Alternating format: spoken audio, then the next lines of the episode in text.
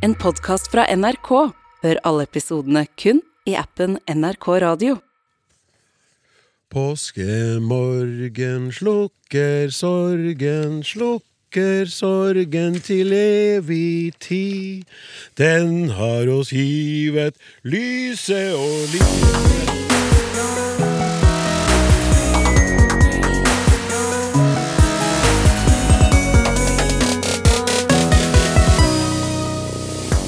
Hva gjør du akkurat nå? Er du ute på skitur? Ligger du i sofaen og spiser marsipan? Sitter du på kafé med en havremelklatte? Eller er du på jobb?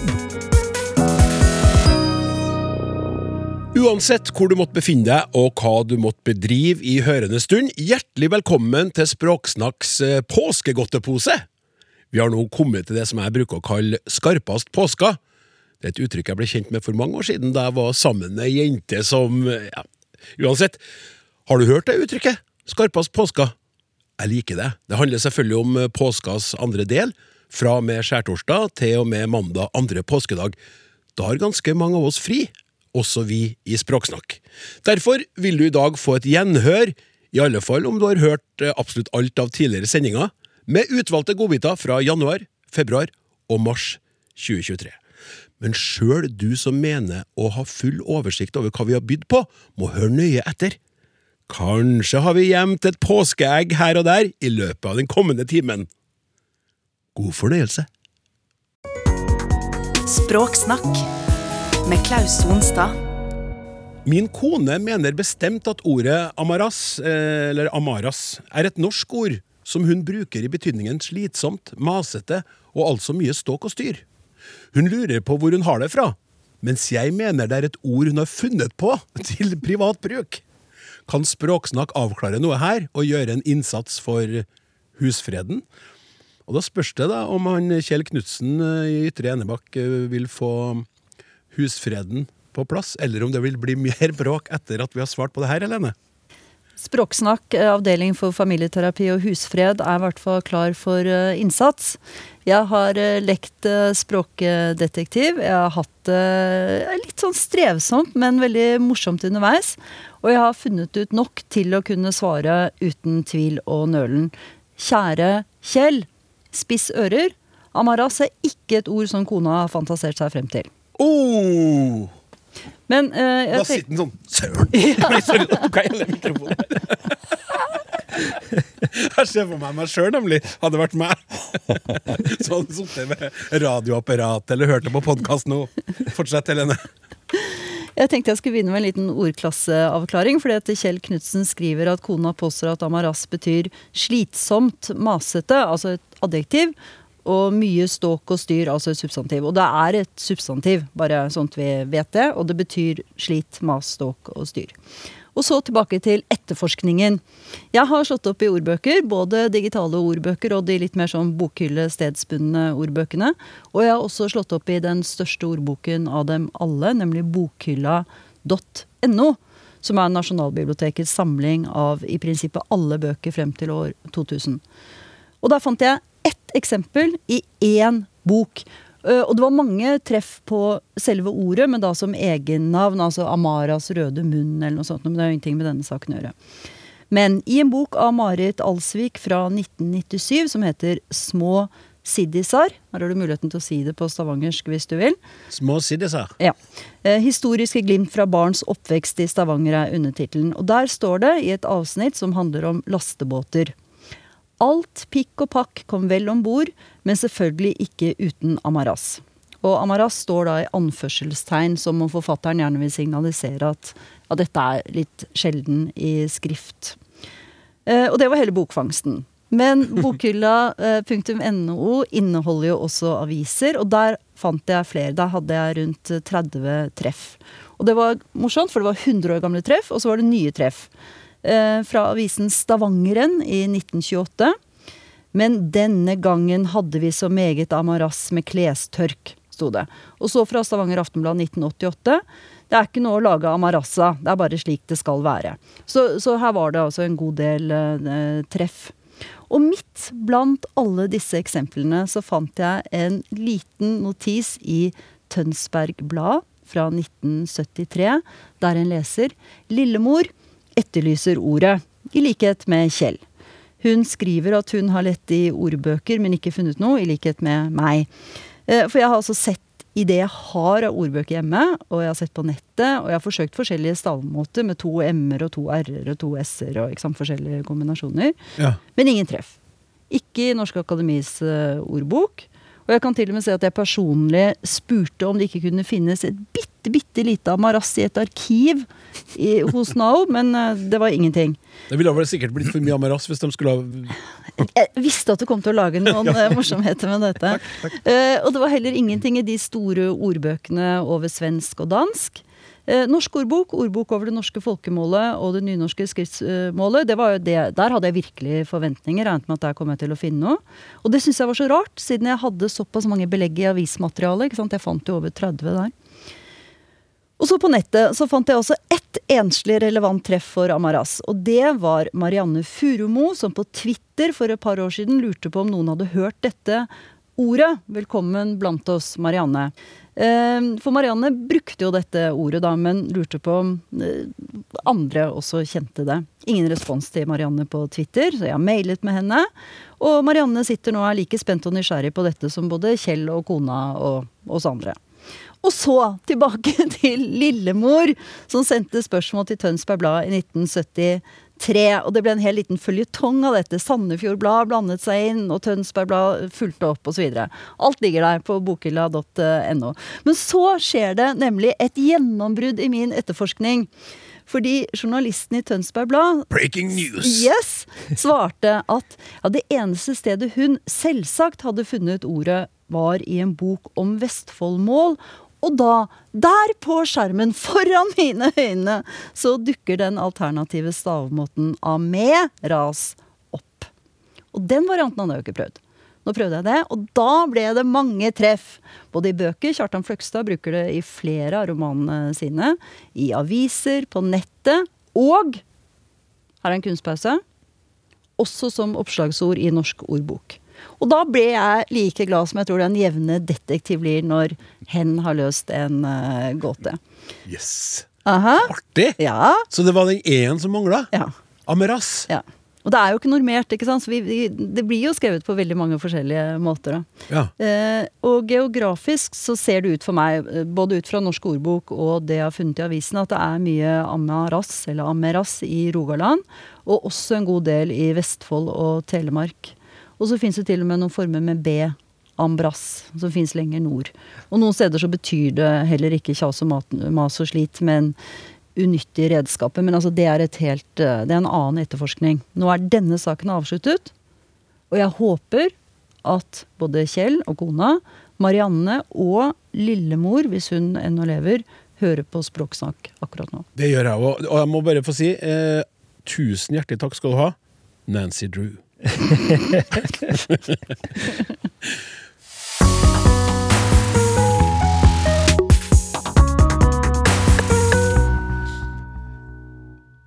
lytter til Språksnakks eh, påskegodteripose, eh, og nå snakka ekspertene nettopp om Amaras, og vi har fått inn en e-post som handler om det, som jeg aldri har lest opp før, så her er et av påskeeggene i denne sendinga.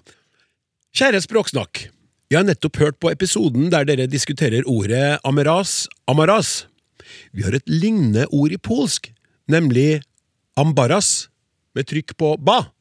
Jeg har alltid trodd dette ordet betyr det samme som det engelske ordet embarrassment. Jeg har til og med funnet det i en engelsk-polsk ordbok.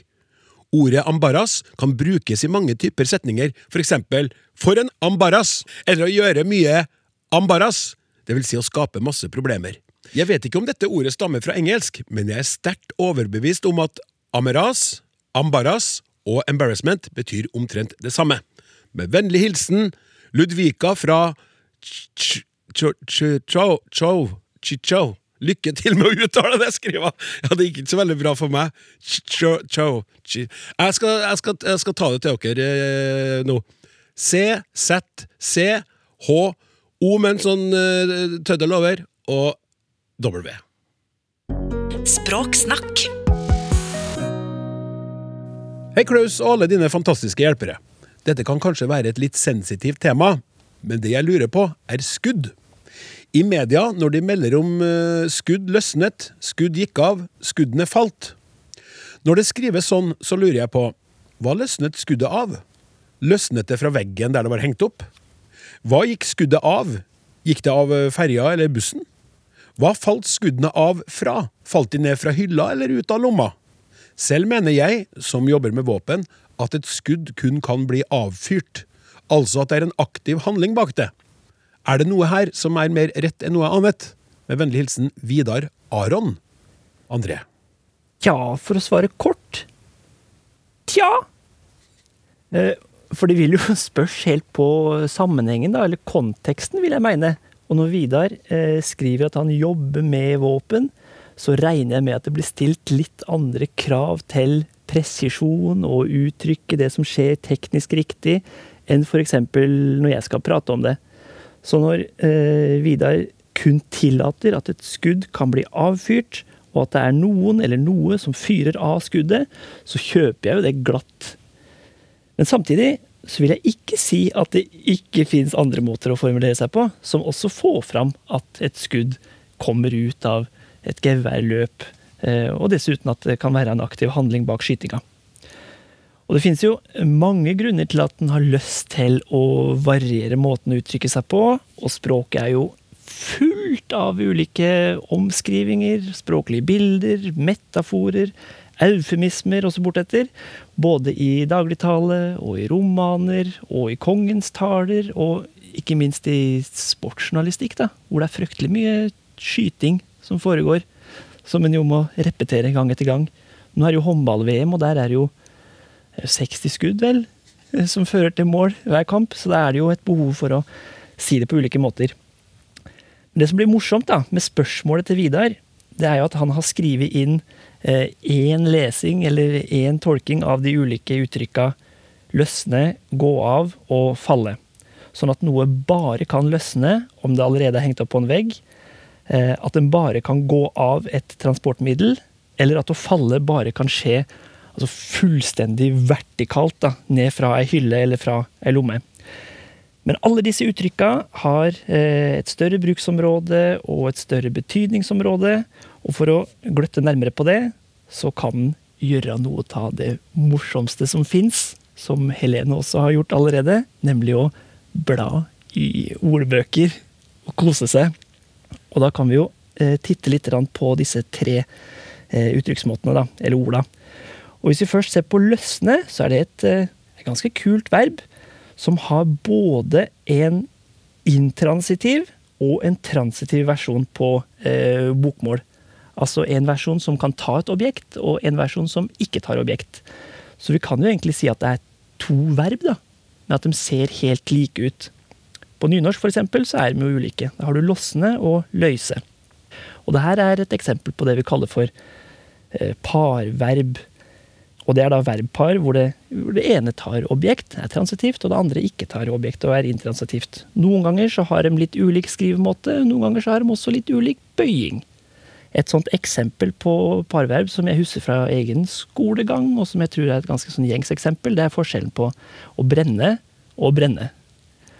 Hvor eh, å brenne med bøyinga brenne, brenner, brant, har brent, er eh, intransitivt. Så et hus brant i går. Men hvis man har et objekt, f.eks. brenner et straffespark, så bøyes det svakt. Han brente et straffespark i går.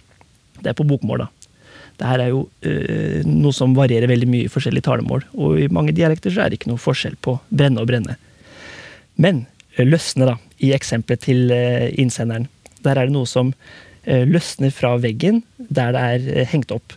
Og det vil jo da være et intransitivt verb i eksempelet som ikke tar objekt. Og da blir det kanskje litt rart med at et skudd bare løsner. Men i ordboka så ser vi at løsne eh, er rikere både betydningsmessig og bruksmessig. Ei skrue kan løsne fra veggen, men man kan også løsne ting. Man kan løsne et sikkerhetsbelte, man kan løsne et grep, man kan løsne taket. Øl kan løsne tunga, sånn at det blir lettere å prate. Og også så kan man løsne skudd som da kanskje kan kalles et, et fast uttrykk med løsne. De løsnet et skudd derover i vest! skrev for eksempel Henrik Ibsen om, eh, om mordet på Abraham Lincoln i 1875. Eller han skrev det i 1875. Han ble drept ti år tidligere, så det tok kanskje så lang tid å få nyheten over. Eh, Og der er Norsk Akademis ordbok veldig kjekk. da, og har veldig mange eksempler på faktisk bruk av disse her uttrykka. Så i hvert fall i snart 150 år så har det vært helt gangbart å, å løsne skudd. Og så falle. Om løsne har mange betydninger og bruksmåter, så er det ikke noe imot å falle. Altså noe kan falle ned fra hylla, regn kan falle, et ord kan falle til jorda, men så kan også f.eks. elver falle. Nittelva som renner gjennom Lillestrøm, den, den faller ut i Øyeren, uten at det innebærer en fryktelig voldsom vertikal bevegelse. da. Sklir liksom mer ut. Så om noen faller for fristelsen å fikle med et gevær, så kan det altså få et skudd til å falle. Og om det treffer noen, så kan hen da falle sammen, eh, falle om, eller rett og slett bare falle. Vi sier jo at man faller i strid eller krig, f.eks. Og hen har jo da falt fra. Og så vil det forhåpentligvis falle en dom i en, en sånn type sak. Eller så kan man jo håpe at dette komplottet faller i fisk. At det ikke blir noe av. Og at de to personene heller kanskje faller for hverandre, blir forelska, og faller om hverandres halser. Kanskje gifta de seg og ble enige om å være sammen til Dovre faller, altså for alltid. Og om det faller seg slik, og blir full klaff, så kan det tenkes at den ene en vakker dag, når vårlyset faller inn gjennom vinduet, går på Og det er et uttrykk jeg ikke har hørt før. Går på fallende fot. Vet du hva det betyr? Nei. Å være høg... Ja, kommer Ja, svaret. for du burde jo vite det, du som har eh, Det er aktuelt hjemme hos deg. Absolutt. Da er man høygravid. Å, Da går man på fallende fot. er sant? Så artig. Så falle det kan brukes på mange forskjellige måter. Og det kan også gå. Trenger ikke å gå like grundig til verks der, for gå har jo ekstremt mange Ja, det, eh, bruksmåter. det, får, det, får, det må vi si fra med en gang, André. Det får du ikke lov til å dra i samme Niks. Men hvis vi bare holder oss til gå av, så kan det også bety eh, mer enn én ting. Kan? Det er ikke bare sånn at man bare kan gå av en buss. Eh, Gerhardsen, regjeringa, måtte f.eks. gå av. Eh, Lillestrøm gikk av med seieren mot Rosenborg to ganger. i- Oi, oi, oi, ikke oi, rolig nå, rolig nå. Rolig nå. Ja, og derfor så kan også et skudd eh, gå av. En, en forskjell, syns jeg sjøl i hvert fall, på å gå av og løsne, det er at gå av kanskje impliserer i større grad at det ikke er en sånn villa handling bak. da. Det bare gikk av. sant? Så han eh, belgiske skiskytteren som gikk på ræva i Poklioka for et par-tre uker siden, han kan være glad for at eh, skuddet ikke gikk av da han drev og pirka snø ut av geværet sitt der. Kikka opp i løpet samtidig. Ja. Så summa summarum, er noe noe mer rett enn eh, noe annet? Ikke godt å si. Nei. Håper det svaret traff deg, Vidar Aron.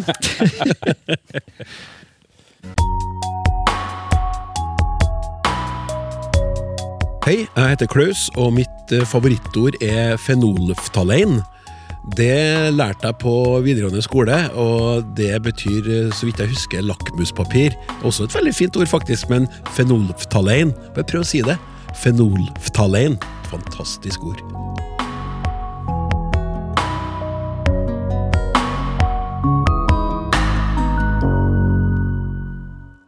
Du hører på Språksnakks eh, påskegodtepose, og det er sånn i Språksnakk at vi er avhengig av at du som hører på, sender inn spørsmålet til oss, og eller innspill. Du kan skrive til snakk krøllalfa.nrk.no, eller sende en SMS til 1987 med kodeord 'snakk'. Eh, Anne Horn hun har valgt å sende en e-post. Hei! Skryt, skryt, skryt! Men angående faksimile akkurat nå, og uttalen av ordet, det her er jo noe vi snakka om for noen sendinger siden. Den mannlige eksperten, Jan, sier, som så mange eksperter før ham, at det må være på tide å justere den muntlige ikke-normen til slik folk faktisk snakker nå. Men hadde det ikke vært morsomt å tenke på hva ord og uttrykk betyr? Ja, altså hvor uttrykket, uttrykket kommer fra. Så vidt jeg husker betyr faksimile noe i retning av gjør slik eller gjør likt. Hvis det er slik, blir jo faksimile den eneste logiske uttalen, ikke sant? og det forklarer til og med hva det egentlig er snakk om, å lage en helt lik kopi av noe. Jeg har prøvd meg før, og prøver igjen. Om vi slutter å tenke på hva ordene betyr, går vi glipp av mye, både av betydninger og nyanser. Eksempelet jeg av og til prøver meg med, er forskjellen på uanselig og unnselig, to ord som ofte blandes sammen. Etter hvert tror jeg uanselig er i ferd med å bli erstattet med unnselig i alle sammenhenger, enda de to ordene betyr, betyr helt ulike ting. Med andre ord, skal en følge logikken til eksperten foran, blir det ganske trist at språket vårt blir ett ord fattigere. Dette skulle jeg ønske Språksnakk ville ta opp en gang. Eksemplene er mange og morsomme. Med vennlig hilsen Anne Horn, altså. Anne, jeg syns du har et poeng, og jeg skal love deg det at vi skal ta tak i det her, både når det gjelder ord, og ikke minst uttrykk. Så tar vi oss tida til et eh, fint innspill fra Tore K. Aalberg her. Som hjemmeføing, eller heter det kanskje heimeføing, selv om jeg sier og skriver hjem, så hadde jeg knapt vært utenfor Trøndelag før jeg fylte 20. Og de gangene jeg var i utlandet eller utenbys, var det sammen med folk som brukte trøndersk tungemål. Derfor var det en bratt læringskurve for meg som erstatningslærer på Handelsskolen i Hammerfest i 1966–67. I forbindelse med en av de første prøvene i handelsregning var visst oppgavene litt vanskelige, og jeg spurte synes dere det er tussig? De så ut som et spørsmålstegn. Men det gjorde jeg også da en av elevene svarte på spørsmål om hvorfor hun ikke hadde gjort leksene sine. Jeg ist ikke! Da jeg var på dans og det ble en liten pause, så jeg at dansepartneren min begynte å bli svett. Og jeg spurte som det naturligste i verden om hun var klar. Der kom det igjen, vet du, klar. Da sa hun straks takk for dansen. Jeg skjønte ingenting. Funask var et helt nytt begrep for meg. Jeg lærte fort som barn at det ikke hadde noen hensikt å spørre mamma om hva vi skulle ha til middag. Jeg fikk som regel som svar bortløpende harer og luftsuppe. Den er fin. La meg få avslutte med et spørsmål om hva min mormor sa til sin fem år gamle sønn, som ville ha trøst etter å ha blitt stukket i munnen av en veps. Uff da. Han hadde smakt på en flaske med ripssaft som var satt til avkjøling. Guttungen fikk som svar Den som alle bord og benker skal sleike, får en gang flis i tunga si. Hva er opprinnelsen til dette? Jeg sier det, Tore, det aner i hvert fall ikke jeg, men takk skal du ha for eh, bidraget.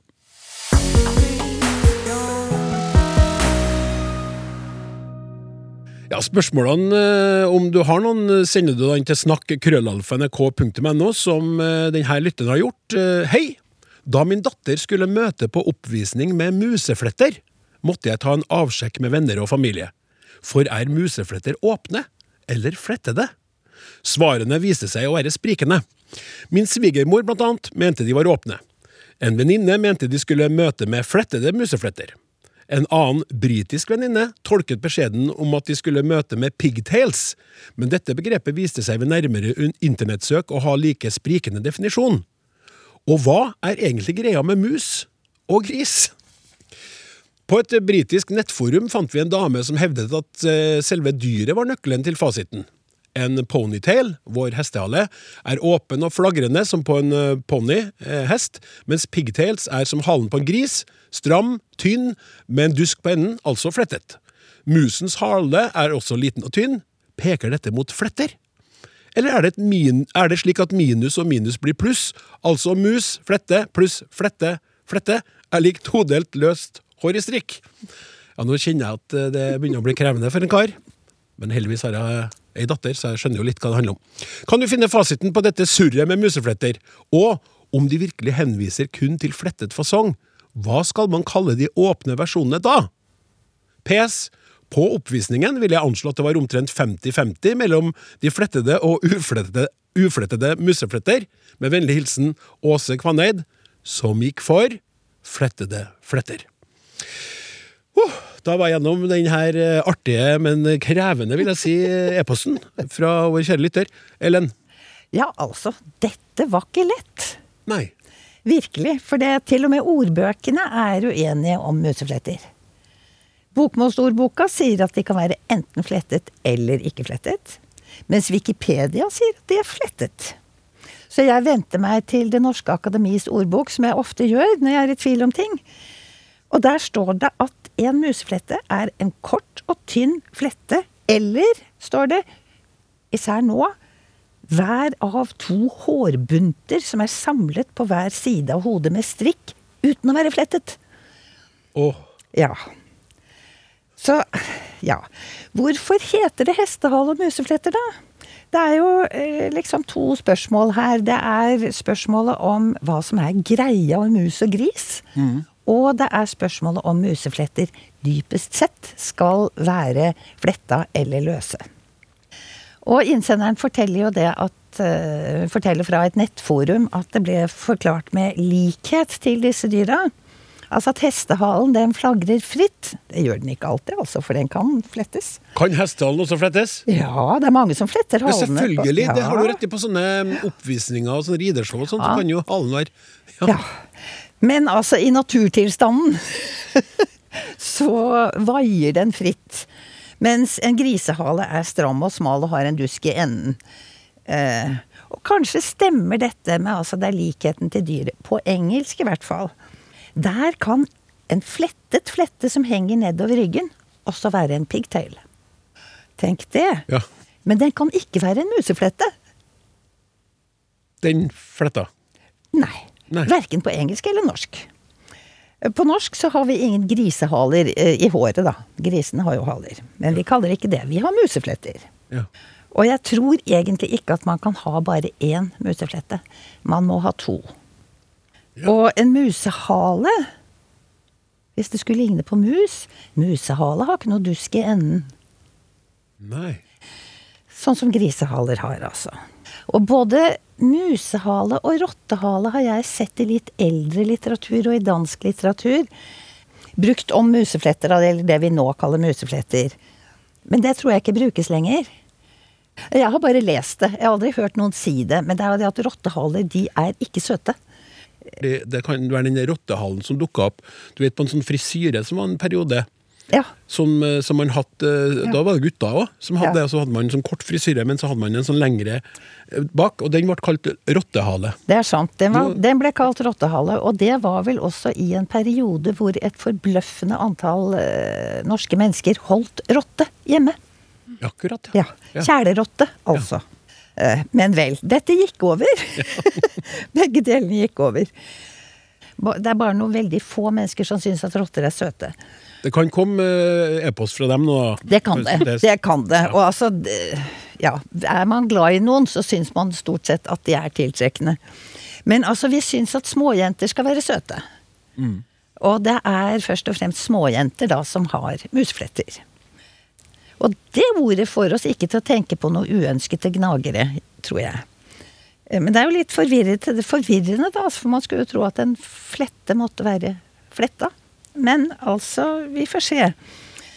Som Naob sier, så er musefletter de er mindre og tynnere enn andre fletter. Og vi kan lage sammensetninger med muse for å si at noe er lite. Vi kan gå med museskritt, eller vi kan ta bare en liten musebit. mm, sant? Og da har vi kanskje fått svar på da hva som er greia med mus og gris. Har vi det? Ja, tenker at vi har det, så syns jeg det var et godt poeng nå at hvis det er da små, små jenter sant, som har musefletter, så har jo dem, de er jo de er mindre, og de Ja. her uh, buntene med hår er jo ikke så store heller, da. det ja, vel, det, dette kan man Ja, okay. Dette kan man diskutere, men er- Men så var det det med Er de flettet eller ikke flettet? Eller er det noe krav der? Og dette var jo vanskelig, så jeg gikk til litt andre språk for å se om jeg kunne få klaret det opp. Og da eh, fant jeg ut at både hestehale og ponnihale og musefletter Det fins i tysk også. I tysk har man rattenschwänze. Rattenschwänze? Ja, det må være rotte, det. Ja, Ganske riktig. Men slik jeg har forstått det, så er det da ikke fletter. Men bare en løs tust på hver side. Og dette i motsetning til zöpfe, som er fletter enten i bakverk eller i hår. Det er, altså det er orden på det i tysk. Og jeg har lært også at både spansk og fransk de har ord som altså inneholder ordet for hest, for hestehale, men jeg har ikke fått vite om noen hårfasong som involverer mus. Eller rotter. Ingen hjelp å få der, altså. Nei. Nå nå begynner jeg å bli spent. Ja. Fant du noe ut av det? det nesten- Ja. ja. du- Har du Gjorde jo det, vet du. For da jeg tenkte her kommer språket rett og slett til kort, så jeg gjorde et billedsøk på nettet. Og det ga veldig tydelige resultater. Hestehaler er alltid åpne. Mens musefletter Kan vi få trommevirvelen nå? Kan være enten flettet eller åpne. Åh, 50-50 altså! Ja. Som på oppvisninga! Der var det jo 50-50 som anslo mellom fletta og ufletta musefletta. Perfekt! Ja. Så altså, neste gang noen sier du skal komme med musefletter, spør. ja. Hvilke musefletter er det snakk om? Fantastisk, Elen. Takk skal du ha. Uh, Anne Mette, du sitter hvis du snur deg litt. Hva har, ja, nettopp. Du har altså en flette, en flott flette i håret i dag. Det er da ikke en hestehale du har? Nei. Nei, du har ei flette. Ja. Ja, Og det er heller ikke en nuseflette. For det er en stor, flott flette bak. Ja, og den er stor og tykk, og, Ja, så da og sier man, er bare én så ja. sier man 'for en fin flette du har'. Ja. nettopp. Nå, nå, nå sier jeg de berømte ord. Vi går videre i programmet. Språksnakk med Klaus Sonstad. Hei! Jeg er stolt eier av en hund, som nå har blitt fire år gammel. Forleden var jeg ute og luftet hunden, hvis navn er Hassel, med mine to tantebarn på 10 og 13 år. I løpet av denne turen kom vi i snakk om et fenomen vi alle tre syns er både underfundig og koselig. Når vi snakker til hunden, eller alle hunder, da tenderer vi mot å bruke uttrykk og kallenavn som Lille Tuppa, Nusj, Nuskelusken osv. Jeg bruker ofte Tuppa eller Lille Tuppa, og mitt tantebarn på ti tenkte seg om og kom frem til at hun ofte sa Nuskelusken. Hun på 13 pleide å kalle deres hund for Nushi. Nei, Nusj. Jeg husker min far pleide å si til hunden jeg vokste opp med Sjappi-sjappi, Nuppe eller Huppepupp. Alle har vi også den karakteristiske kosesnakklyden à la babyspråk i større eller mindre grad når vi snakker til hundene. Lille tuppa, nusj, nuskelisken, kom nå, nuskelisken! Vi kom videre frem til at dette er ord eller kallenavn som vi ikke bevisst tenker oss frem til, har lest eller er blitt enige om. De bare skjer. De kommer momentant ut av det blå, når vi klapper hunden eller roser den, eller når vi snakker til den, til den om for eksempel mat. Nå skal det bli godt med litt mat, Nuppe. Eller man sier det mens man klør det bak øret. Ja, det var godt, ja, nuskelusken. Det skjer i møte med disse ordløsende vesenene vi omgir oss med, og i høy grad kommuniserer med, uten den felles forståelsen av ord. Jeg har ellers merket meg fra filmer og serier at i USA sier de ofte til hunder setningen Who's a good boy? Who's a good girl? Som en slags hilsen. Slik sier man jo aldri på norsk, så vidt jeg har hørt. Hvor kommer disse uttrykkene fra? Hvordan oppstår de? Hvorfor? Takk for et herlig program. Hilsen Ragna, trønder i 30-åra, bosatt i Drøbak.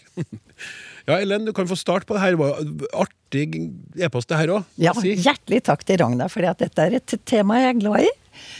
Eh, og altså, ja, mange, men langt fra alle, koseprater med sine egne dyr. På samme måte som vi gjør til småbarn. Og noen gjør det også til andres dyr. Og da er det, det er koseord, og det er kosestemme. Det er vanlige innslag. Det er vanlig eh, i det som kalles, som i forskningen kalles child directed speech. Altså språk som er rettet til barn. Og akkurat det har faktisk en funksjon. Altså Vi signaliserer at vi er vennlig innstilt og ikke farlige når vi legger stemmen litt opp. Ja. så- og det gjør vi. Eh, og når vi overdriver intonasjonen, så blir den tydeligere. Og når vi prater med eller til dyra våre, så gjør vi altså noe av det samme. Og da eh, fins det forskning om det som kalles pet directed speech. Altså en pet, det er jo et kjæledyr, men altså det går også for hest, så man behøver ikke tenke at det er liksom skjødehunder.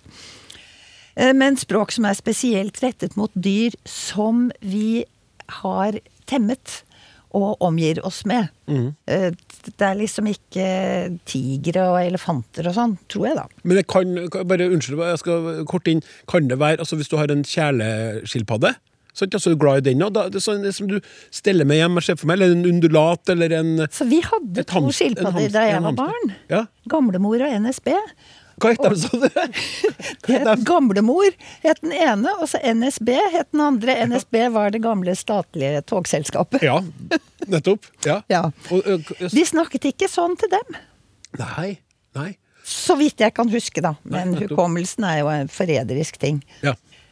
Men altså Det viser seg at både hunder og hester, dette, også dette har vi forskning på, de reagerer mer positivt på sånt språk, altså lysere stemme og vennligere tonefall, enn de gjør på vanlig språk som er rettet mot voksne mennesker. De, eh, de reagerer da med å være mer oppmerksomme. Ja. Og eh, gir også en bedre respons på f.eks. kommandoer da, eller feedback som vi gir, gir til dyra. Så det gir altså rett og slett mer effektiv kommunikasjon å snakke på den måten. Og vi bruker også da kortere setninger, og vi gjentar oss selv mer når vi snakker til f.eks. hunder enn til voksne mennesker.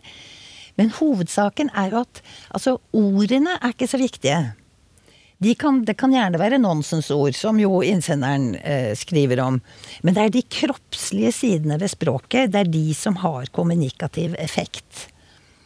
Ja, nå etter at vi har hatt pandemi, veldig mange mennesker har kjøpt seg hund, og det også har vært mye på TV med hundetrening og sånn, så tror jeg ikke et menneske har kunnet unnslippe å se hundeeiere på tur med bikkja si som sier bra!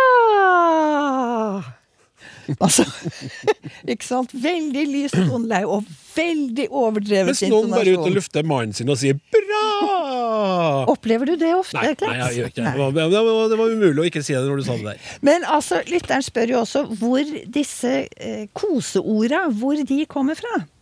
Og jeg tror at de konkrete orda, de oppstår ganske spontant. Og så blir det en vane. I språket rettet til småbarn og til dyr. Eh, Jeg merker meg at mange av innsenderens ord minner om nusselig. Og det kan jo tyde på at vi bygger på et felles forråd, da. Og jeg syns jo også at hennes eksempler de tyder på at her har vi en familievane. Altså, det kunne ikke ramle meg inn å kalle noen av mine hunder det som hun kaller sine, og hennes nieser. Uten at du rangerer det som noe galt. Bare- det, det Nei, nei, nei! Det er helt fjernt for meg. Ja. Eh, Hos oss kaller vi dem andre ting. Men eh, så er det jo også det at vi setter ord på det vi mener hunden fornemmer. eh, Eller opplever. Sånn som 'Var du så sulten?' Ja, det var godt, ja. Og når det gjelder det engelske eksempelet, 'Who's a good boy then?' eller 'good girl' eventuelt, så er jo det fordi de gjerne kaller bikkjene sine for gutter og jenter. Så eh, i norsk vil det tilsvare noe sånt som 'Du, så fin hund, da'. Ja. Ja. ja. Og altså, jeg syns det er et poeng at vi snakker med hundene våre. Vi behandler hunder og småbarn som samtalepartnere. Og det er en måte for mennesker å ha det hyggelig sammen på. Rett og slett. Altså, vi er, vi er samtaleorientert. Det er det vi driver med, veldig mange av oss. Nå høres det jo ut som alle mennesker er like. Jeg mener ikke det. Nei, skjønner. Ja, eh, jeg var litt opptatt av noe som Ragna sa, og som du òg var inne på, Ellen. For hun sa dette bare skjer, disse ordene. Det kommer momentant ut av det blå. Og dette høres jo veldig sånn improvisert og, og kanskje ikke så viktig ut. Men jeg tror faktisk at her ser vi en liten flik av noe som er virkelig stort i språk. Og det har jeg lyst til å ta et lite sånn sidespor uh, om, i tillegg til det som, som du sa. Det er nemlig sånn at vi synes å ha en forkjærlighet med mennesker for å konstruere språk ved å gjenta akkurat de samme språkelementet flere ganger. Vi hørte nuskelusken og sjappi-sjappi i uh, eksempelet her. Um, Puppepupp. Ja, ikke, ikke minst. Ja. Og eh, da tenker jeg, nå begynner vi hos de små, nå begynner vi hos bitte små barn. For når vi ligger så å si på stellebordet og øver oss i å bli språklige, eh, så gjør vi dette, det kalles på fint så for reduplikasjon. Vi gjentar det samme elementet, og på stellebordet så driver vi med reduplisert babling. Og det har jeg hørt mye av. Eh, ba, ba, ba, da, da, da. Eh, og også eh, Jeg er to gutter hjemme, da. Og Fint at du sa det. At- det, det er ikke Ja, det er ikke samboeren min, eller Nei. Um, og Hvor, ga- hvor gamle er de, da? um, han ene er tre, og han andre er ett. Og han um, eldstemann, når han var uh, ett, ett og et halvt, så fikk han seg en sykkelhjelm. Og den kalte han for uh, Jæje. Og øh, han som er ett nå, han har lært seg å si tiss, og det kaller han for Titi. Og så går han rundt og sier øh, Dodo og Mimi, men øh, det vet jeg ikke helt hva betyr ennå. Og da kunne en kanskje tro at dette er noe sånn spesielt som små barn driver på med, men det er det altså absolutt ikke. Så vil jeg peke på en ting til som vi gjør i sånne sammenhenger, og som lytteren vår var inne på. For det var jo ikke nuskenusken, det var nuskelusken. Og det vi da gjør, det er at vi tar en konsonant, tar den vekk foran vokalen og setter inn en annen konsonant, og så lar vi resten være uforandra, og dermed lager vi oss et rim. Og jeg tror at disse to fenomenene, reduplikasjon og rim, det er noe som ligger veldig djupt i oss mennesker, og som vi veldig gjerne vil holde på med. Uh, og det kan være delvis svar på hvorfor-spørsmålet til Ragna. Uh, hvorfor uh, skjer dette her? Det er en sånn tilbøyelighet som vi mennesker har. Og for å understreke det, så kan vi gå videre fra barnespråk og til voksenspråk, og tenke på mange ord og uttrykk. Tenk på rubb og stubb, for eksempel. Det er en nesten-reduplikasjon. Virvar ligner litt, det òg. Og noe som har vært mye brukt i seinere år, ting og tang, det sier jo folk hele veien. Klabb og babb. Klabb og babb, riktig, ikke sant? Og en nesten reduplikasjon. Språket er fullt av det, og vi elsker det. Eh, av og til rimer vi, av og til skifter vi ut en vokal. Av og til låner vi inn ting i norsk som er litt sånn redupliserende. Hokus pokus kjenner vi jo alle sammen. Og de av oss som driver med musikk, har helt sikkert vært borti boogie-woogie. Og der har vi det òg. Nå det Unnskyld. Boogie Woogie. Jeg Så ikke den kom, for å si det sånn.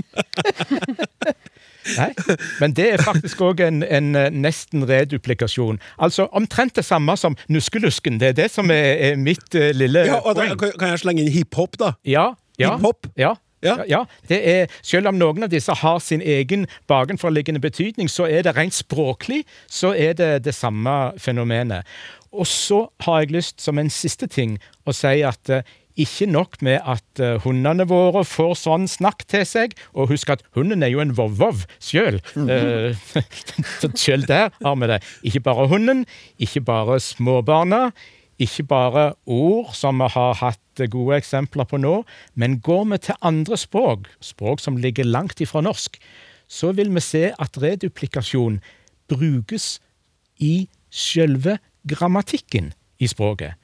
Eh, I et språk som eh, indonesisk, for eksempel, og her må jeg ta forbehold om uttalen, for dette har jeg lest meg til, der er det sånn at eh, kapal betyr båt, og skal du si flere båter, kapal kapal.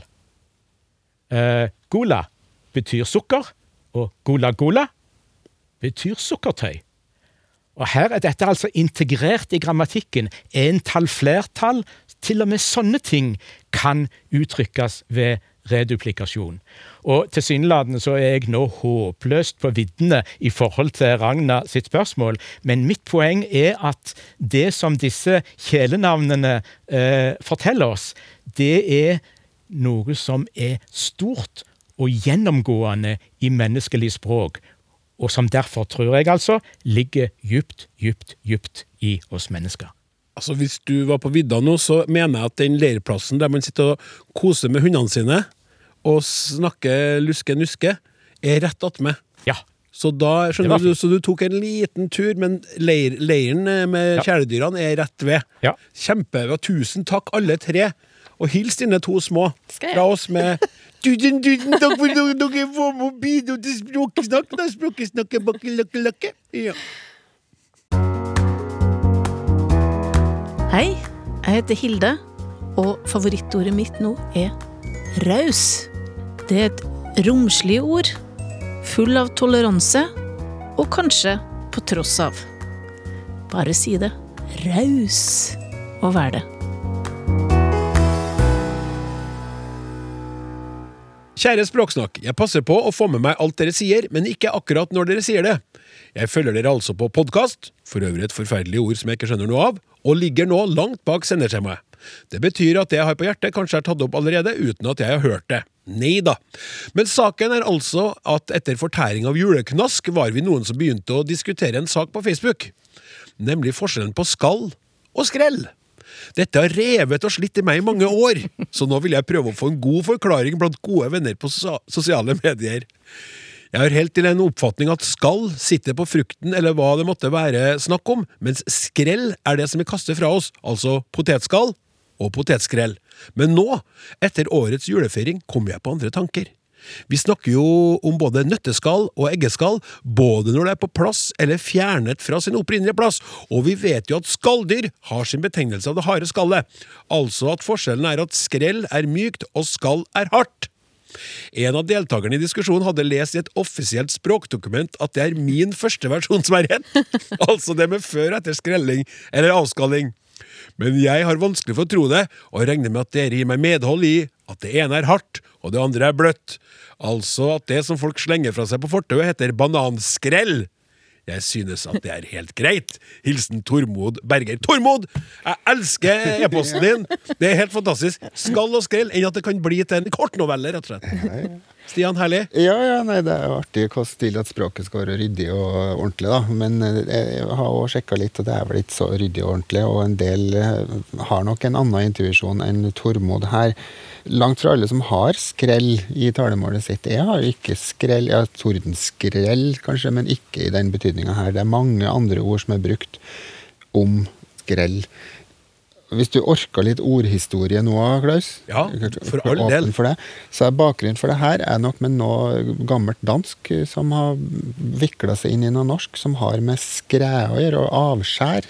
Det fins kanskje samme rota i Sa du skræe? skræ, ja. Skræe? Altså avskjær, samme ordet som i skredder. Altså det har noe med noe du tar bort, Ja. som ligger bak, sannsynligvis. Og så har det blitt vikla inn i noe, så ble det skrell. Og, det, og skrelle og skrell. Og skrell er kanskje det ryddigste fordi at det handler om resultatet, som han er inne på. Det som er tatt av, det blir skrell. Altså resultatet av renskinga, eller hva man kaller det. Og det er nok i hovedsak mjukt, akkurat som Tormod har jeg oppfatning av. Så her er det liksom ryddig nok, da. Jeg, klarer ikke å finne så gode eksempel på at skrell er noe er hardt. Rekeskrell er vel det hardeste jeg klarer å finne. Men nøtteskrell f.eks. ikke brukt, og eggeskrell det er ytterst sjelden. Ja, det er altså sluttproduktet, og det er stort sett mjukt. Og så skreller vi jo. Verbet er også sånn, Ja. det viser prosessen, og det som er da slutten på prosessen, er skrell. Skrell er ikke på. Helt enig med Tormod i så måte. Skal derimot ikke så ryddig som en skulle ønske seg. For der er det altså brukt mye mer til begge deler. Både når det er på, og når det er av. Og det er harde ting, og det er mjuke ting. Og Bokmålsordboka skriver at det er et hylster av varierende tykkelse og hardhet omkring f.eks. bløtdyr, egg eller frukt. Så det er altså et mm, stort bruksområde. Og hardheten er meget varierende. Det er fra muslingskall, som er ganske hardt, til kanskje drueskall, som ikke er spesielt hardt. Sier man muslingskall? Det fins i bruk, ja. Sier jo det, ja. ja. Folk er rar. elektronskall fins, og det aner ikke hvor hardt eller mjukt det er, da, for så vidt. Men det er nok et mye mer eh, varierende bruksområde, og dermed så er det ikke så ryddig som skrell. Og altså skal bli brukt både før og etter renske, rensinga. Og det, så prikker på potetskallet må kanskje være der òg på forhånd, før skrellinga skjer. Så hvis jeg søker her også da, på den store tekstmengden som finnes i Nasjonalbiblioteket, så ser det ut som at det er litt sånn ordavhengig, sånn at bananskall, altså når det har blitt renska av, det er massivt i flertall. Bananskrell fins knapt brukt. for sjøl om Tormod ønsker seg å kunne kalle det Det skal han få lov til, å kalle det en bananskrell. Men der vil folk skrive bananskall. Det er ingen i en eneste vits jeg noen gang har hørt som har sklidd på et bananskrell. Nei, det var akkurat det, for det er mange vitser som handler om bananskall. Det var mye søk der. Men det er motsatt med potet. Potetskrell det er massivt i flertall, mens potetskall det fins brukt, men mye mindre. Men eh, moralen er dessverre ikke så ryddig som en kunne ønske seg. Men skrell er stort sett mjukt, og det er sluttproduktet, altså etter renskinga. Skall, det kan være så mangt. Og det er hardt, og det er mjukt, og det er på, og det er av. Tusen takk skal du ha, Stian. Fikk jeg veldig lyst på appelsin. Ikke potet? Jeg har lyst til å skrelle meg i appelsin. Jeg gleder meg til påske. Nok om det! Ja, Det slår jo meg jo at jeg egentlig kunne ha sagt, etter det du fortalte nå, Jan Kristian, så kunne jeg sagt 'der ikke'. Og det passa fint, for vi skal over nettopp til det ordet nå. Hei, Klaus og co. Kan dere forklare meg opprinnelsen til uttrykket 'der ikke'? Husker fra min barndom på 80-tallet at de voksne ofte utbrøt 'og der ikke'. Hilsen Øyvind Stokland, Trondheim. Mari, nå Ja. kikker jeg bort på deg. Trønder som du er, du òg. Jeg er jo det. Ja. Men jeg måtte, jeg måtte gå en liten runde her, for jeg, må jeg medgi, for jeg har ikke egentlig der så mitt som en del av mitt vokabular sånn. Ikke fram til nå, i hvert fall. Nei. For jeg tror jeg kommer til å begynne å bruke det mer. Det er jo veldig flott.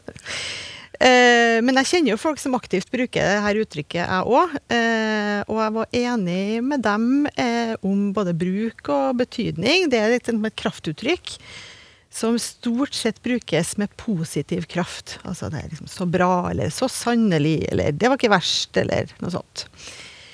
Eh, men hvor det kommer fra opprinnelig og Jeg må innrømme at min første assosiasjon var det at det ligner jo en god del på andre banneord, sånn som begynner på det og dæ. Sånn som dæven og dæsken døtte og dælleren han og sånne. Defle i rota, husker jeg. Hvis jeg Defle i rota, det har jeg aldri sagt. Men Nei, det, nei. det var fin. Ja, fin.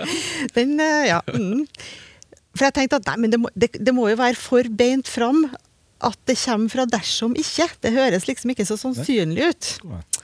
Tenkte jeg først. Men så måtte jeg gå til kildene, da. eh, For det er jo folk som har skrevet om det her. Blant annet eh, Tor Erik Gjenstad og Arnold Dahlen har skrevet om det her. Og da står det at det er en svak ed, eller altså en svak sånn type bannskap, men som har nettopp formelt sammenfall med dersom ikke. Så det kommer fra dersom ikke.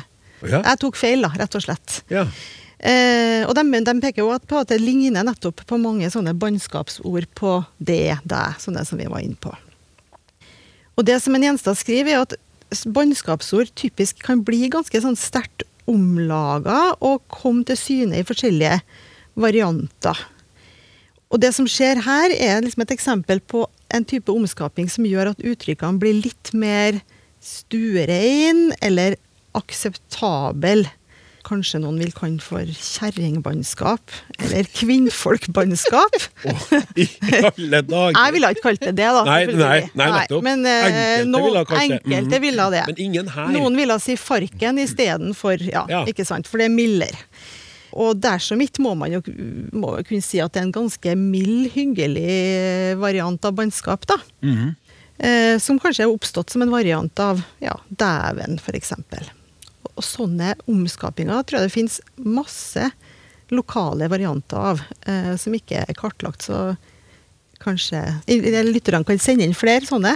Ja. Det er artig. Ja, for all del, det er jeg enig i. Mm. Uh, og hvis du har uh, i lyttende stund, kjære lytter, eh, et sånt ord på lager, så kan du da sende den til snakk.krøllalfa.nrk.no, eller uh, til, som SMS til 1987 med kodeord 'snakk'. Eh, Jan Kristian? Eh, Litt interessant hva da folk gjør når de skal gjøre banneord mer akseptable. Ja. Uh, Og dette er jo lydlige fenomener. Ikke sant? Det er jo fonetisk nesten at eh, dæven blir til Og du må si det sjøl. Det, er så- Det er så mitt. Ja, ikke sant? Så det er lydlige assosiasjoner en bruker Ja. for å nedgradere uh, forferdeligheten i, Ja, det kan, i altså, du bruker Mhm. fonologien eller lyden Ja. som utgangspunkt, Ja. ja. Mm. Artig. Ja, det var artig. Ja, og det er deilig å si òg. Ja. Det er lenge siden jeg brukte det. Så en sånn Øyvind eh, Ja. kom med det spørsmålet, så kjempelenge siden jeg har uh, hørt noen si det. Men det kom tvert. Jeg tror egentlig å si det litt annerledes, jeg tror jeg sa det litt bredere. Det er så mitt. Midt, der kom den T-en som var riktig. Jeg sa midt i stedet, litt sånn mer sånn, skjønner jeg. Har ikke det lenger i vokabularet. Midt, da. tror- Nei, nettopp. Men det er herlig. det, jeg- Det er så midt og spennende! Det er så midt! Han ble sjuer nå! Kom med den spøken på han! Det er så midt! Hun var så fin i går kveld at jeg ble helt tullete jeg så han! Det, det kan være mye følelsesliv i lange vokaler. Ja, virkelig. Ah, herlig, altså. Rett og slett.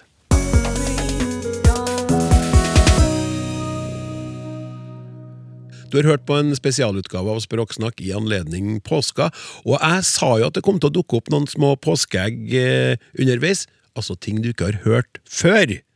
Og her kommer det siste bidraget i så måte.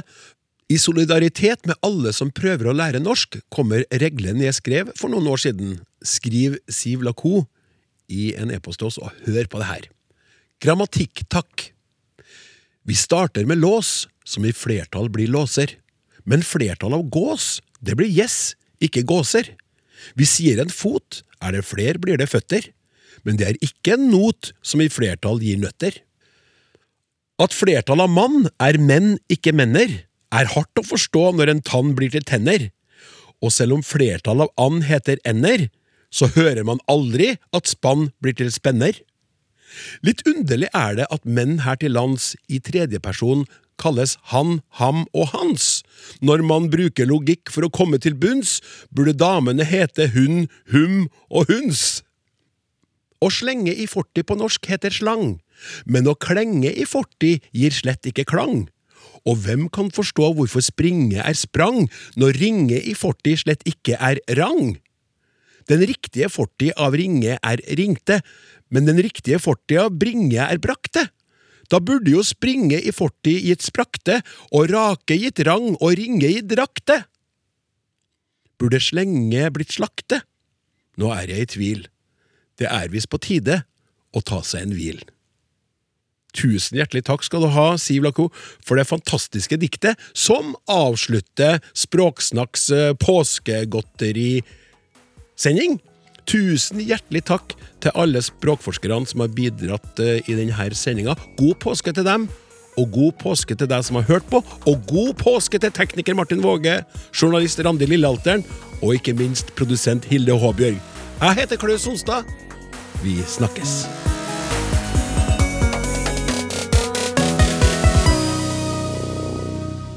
Du har hørt en podkast fra NRK.